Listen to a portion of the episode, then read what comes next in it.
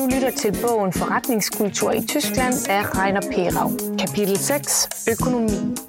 Tyskland er verdens fjerde største økonomi efter USA, Kina og Japan, og den største i Europa med en femtedel af EU's BNP.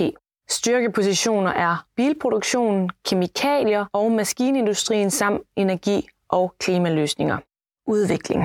Tysk økonomi blev hårdt ramt af den store globale krise i nullerne, og BNP faldt 5% i 2009. Dog vendte væksten hurtigt tilbage, og allerede i 2010 voksede økonomien med 4%. Europas største økonomi viste sig at være undsolid med lav privat og offentlig gældsætning og et fornuftigt omkostningsgrundlag. Det viste sig også under coronakrisen med pandemiens udbrud i 2020 gik den tyske økonomi næsten lige så stærkt tilbage som under finanskrisen med et BNP-fald på 4,6 procent. For 2021 prognostiseres dog allerede en vækst på 2,3 procent. Tysklands økonomi har oplevet moderat til stærk vækst over det sidste årti med undtagelsen af de dybe kriser i 2009 og 2020. Den store succeshistorie har dog været arbejdsmarkedet og beskæftigelsen, som er steget med 7 millioner mennesker fra 2005 til 2020. Økonomisk politik. Tidligere kansler Gerhard Schröders Agenda 2010 bidrog op gennem nullerne væsentligt til Tysklands soliditet. Stagnationen i lønningerne, blandt andet på grund af det høje konkurrencepres fra Centraleuropa, gav virksomhederne et solidt omkostningsgrundlag og var med til at forbedre konkurrenceevnen.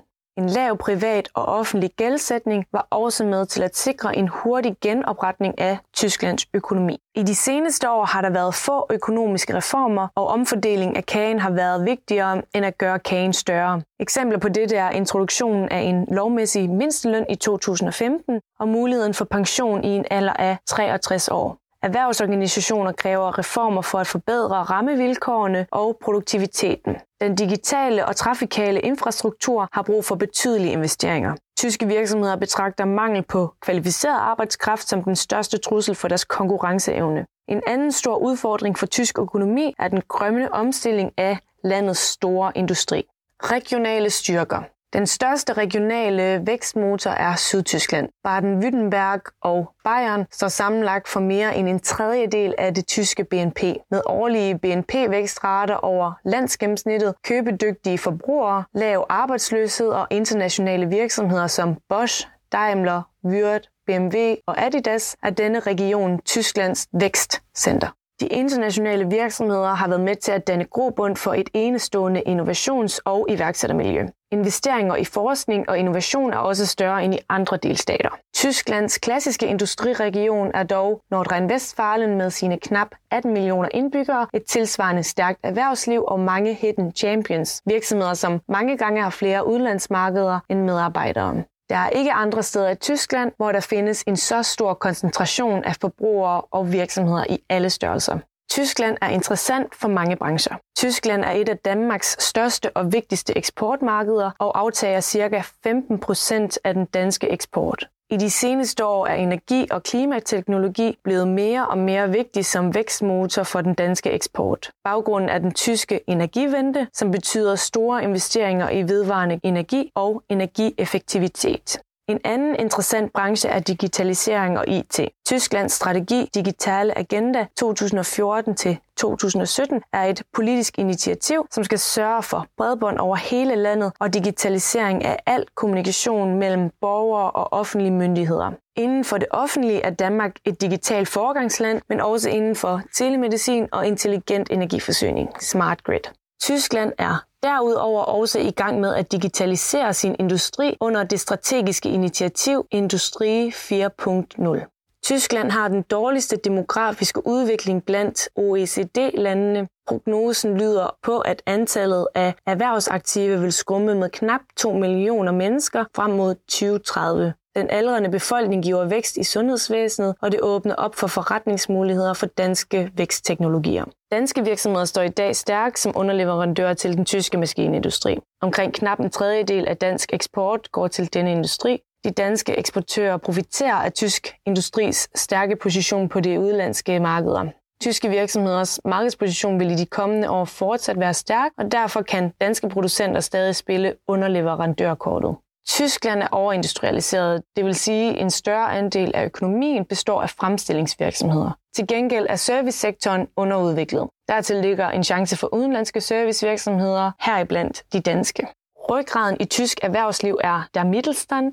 Denne gruppe er personligt ejede virksomheder, som Tyskland har over 3 millioner af. De er de største arbejdsgiver og står for en stor del af industriproduktionen. Deres mindre hierarkiske opbygning gør dem til oplagte samarbejdspartnere for danske virksomheder. Tyskland er med sin centrale placering i Europa et ideelt udgangspunkt for videre ekspansion i Europa.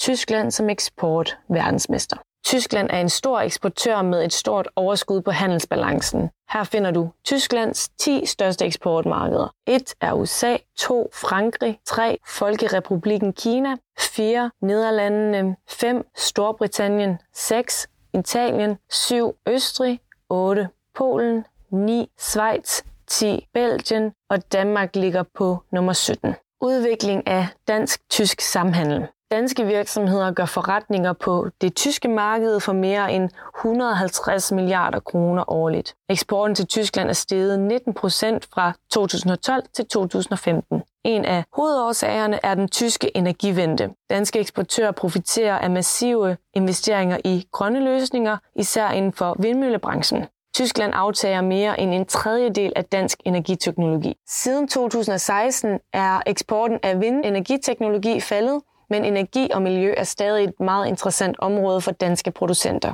Under coronakrisen er den danske eksport til Tyskland faldet yderligere, og Tyskland er derfor ikke længere Danmarks største eksportmarked. Det er i stedet USA. Dog er eksporten til Tyskland tydeligt på vej op igen. For de kommende år forventer Dansk-Tysk Handelskammer moderate stigninger for danske eksportører. Til gengæld er tysk eksport til Danmark steget med nogle procent om året i løbet af 2010'erne. De seneste år er udviklingen dog gået lidt tilbage igen. Tysk konkurrenceevne er efter et årti med lønstagnation intakt, og tyske virksomheder har fortsat fremgang i Danmark. Dansk-Tysk Handelskammer forventer, at denne udvikling fortsætter.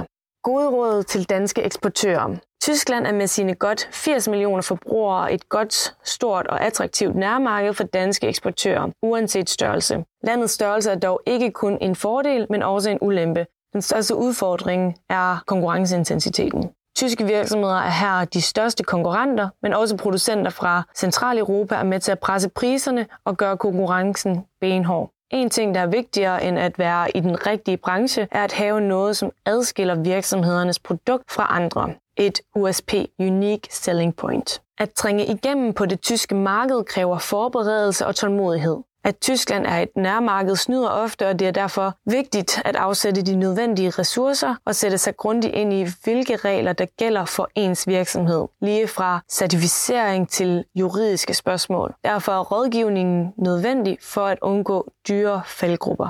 Danske virksomheder kan profitere af at kommunikere på tysk. At ansætte tysksproget personale og eller medarbejdere med eksporterfaring er blandt de vigtigste instrumenter i virksomhedernes forberedelse. Det viser, at virksomheden mener det seriøst, og at det bliver lettere at undgå misforståelser. Tak fordi du lyttede med. Hvis du har lyst til flere indblik i den dansk-tyske forretningsverden, kan du abonnere på vores podcast eller kigge forbi på vores hjemmeside på www.handelskammer.dk. Vi høres snart igen.